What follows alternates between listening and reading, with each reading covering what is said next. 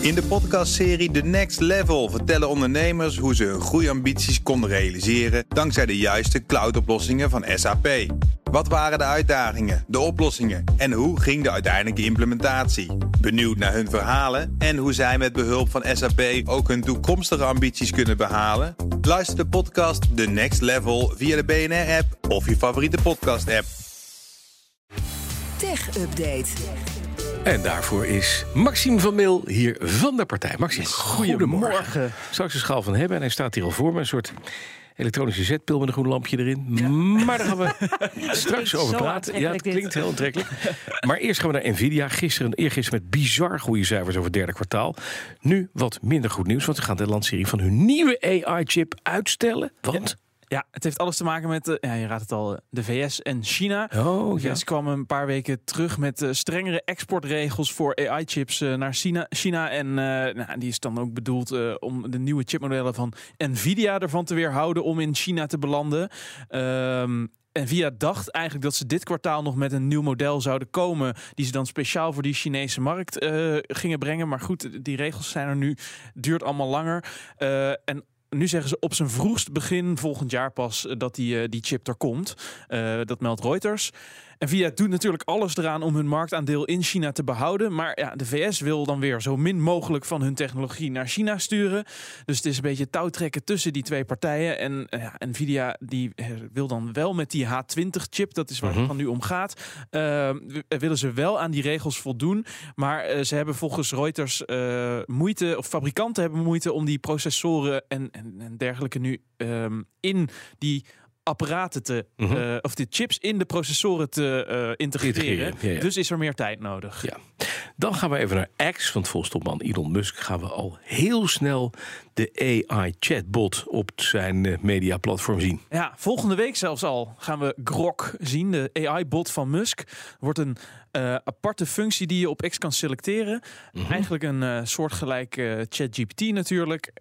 Ook een direct concurrent. Wordt wel alleen beschikbaar bij het duurste abonnement. Want ja, daar doet eh, Musk tegenwoordig op X aan. Ja, kost dat? Eh, dus eh, daar, daar kost eh 16 dollar per maand. Premium Plus abonnement. Hm. Ja, dat is niet goedkoop. en nee. grok gaat dat? Is, weet je vind dat een rot grok. Ja, echt een ontzettend stomme naam. Ja, Ik heb Frok, dus jij krijgt van mij Grok. Ja, dus typ ik in grok. Hij krijgt twee functies om mee te starten: een Mhm. regular en een fun mode. Nou, Ja.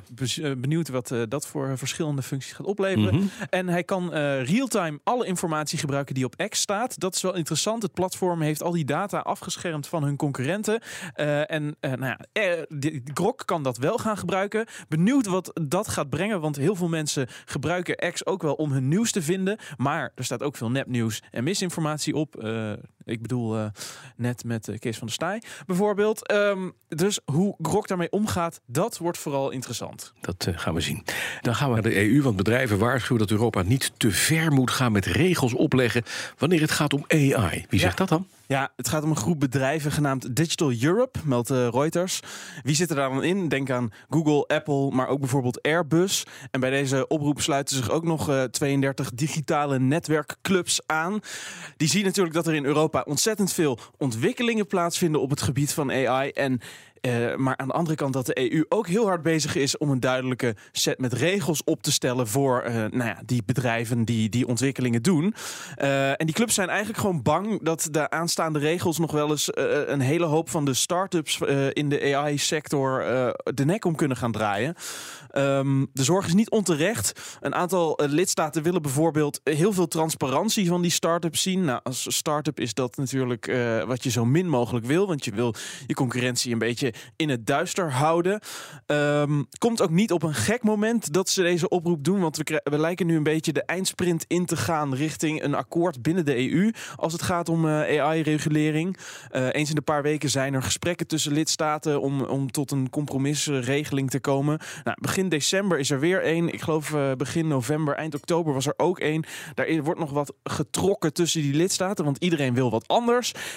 Maar het, het vermoeden is dat, ik geloof begin begin december dat, eh, dat dan echt knopen worden doorgehakt. Eh, dus ja, dan eh, gaan we natuurlijk die regels zien. En die, die bedrijven proberen hun eh, laatste eh, stuiver in het potje te gooien. Ja, precies. Nog eventjes wat, wat invloed te krijgen. Ja.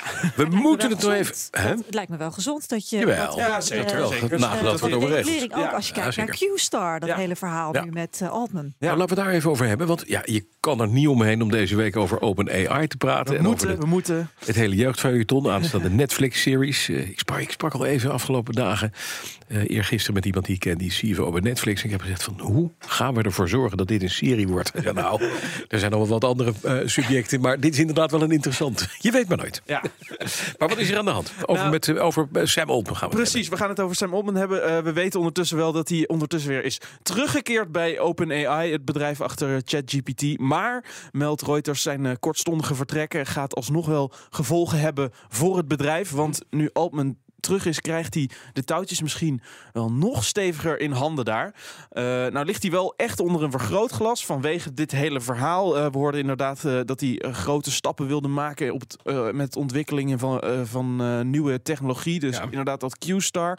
ehm, die het bedrijf zelf, waar het bedrijf zelf gewoon van zei: dit kan best wel eens mensheid bedreigend zijn, maar hij wilde er toch mee doorgaan. Nou, dat zal allemaal zijn imago niet ten goede komen. En de hele tech-community lijkt dan ook niet meer zonder vraagtekens naar eh, OpenAI en alles wat zij doen te kijken. Maar goed, experts maken zich alsnog wel echt zorgen. Want het nieuwe bestuur, eh, ja, dat kreeg dan ook een beetje een eh, opfrisbeurt. Maar de- dat moet die macht gaan beteugelen. Maar omdat investeerders graag grote ontwikkelingen zien, zou het best kunnen dat Altman die echt op een eh, gecommercialiseerd ja, manier, aanpak aanstuurt. Ja.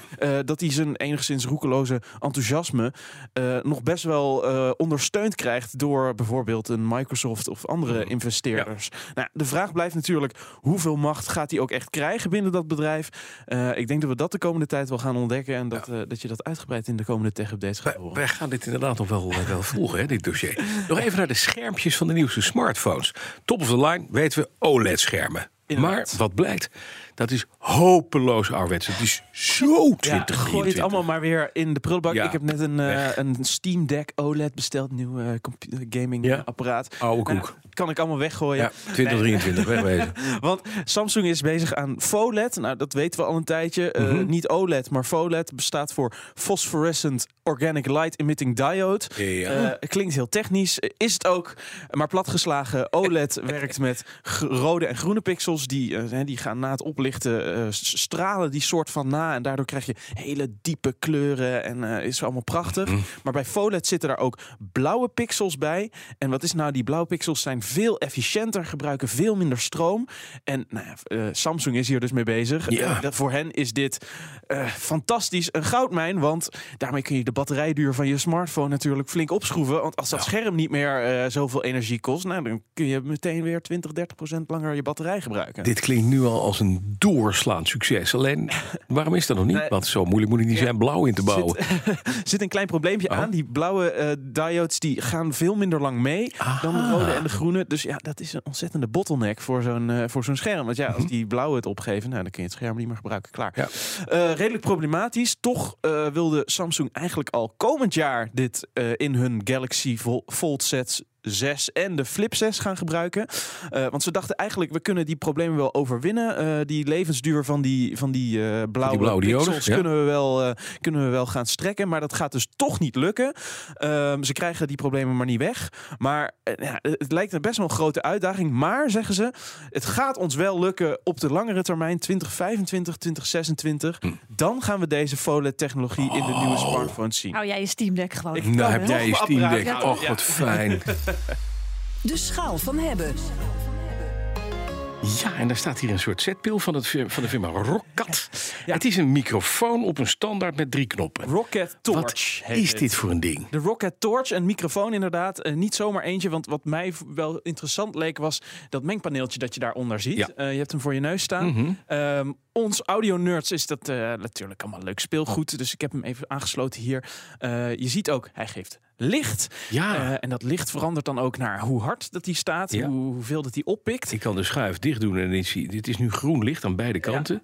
En als ik hem hoger zet, dan gaat het lichtje harder. Inderdaad. Wow. wow. Wat belangrijk. overigens is ook over, is overbodig, maar je kan het ook uitzetten. Zit een knopje op de achterkant als je er helemaal gek van wordt. Mhm. Zitten nog wel meer knopjes, bellen, Ja, toeters aan? staat een pattern. Wat kan ik daarmee? Ja, nou kijk, ik dacht, weet je, ik kan eh, nu dat allemaal uit gaan leggen, maar Wat we kunnen ook meteen even horen hoe die klinkt. Nou, kom maar. Ehm, ja, dus eh, terug naar Maxime uit het verleden. Nou, het eerste dat opvalt, eh, zodra je begint met opnemen, geeft het schermpje op het eh, mengpaneel aan dat je live bent. Ja, vind ik best handig. Wat zit er dan allemaal op? Links een eh, draaiknop, die heeft drie verschillende modus. Eerst een normale, dat is bedoeld voor wanneer je gewoon lekker er doorheen wil kunnen kletsen, een beetje babbelen. Dan ook een stereo modus. Ik zal hem even schakelen. Dit is bedoeld voor live muziek. Ehm, dus, of bijvoorbeeld wanneer je het echt het omgevingsgeluid wil oppakken. Ehm, dan is er ook nog een interessante, een eh, fluistermodus. Gaan we even naartoe.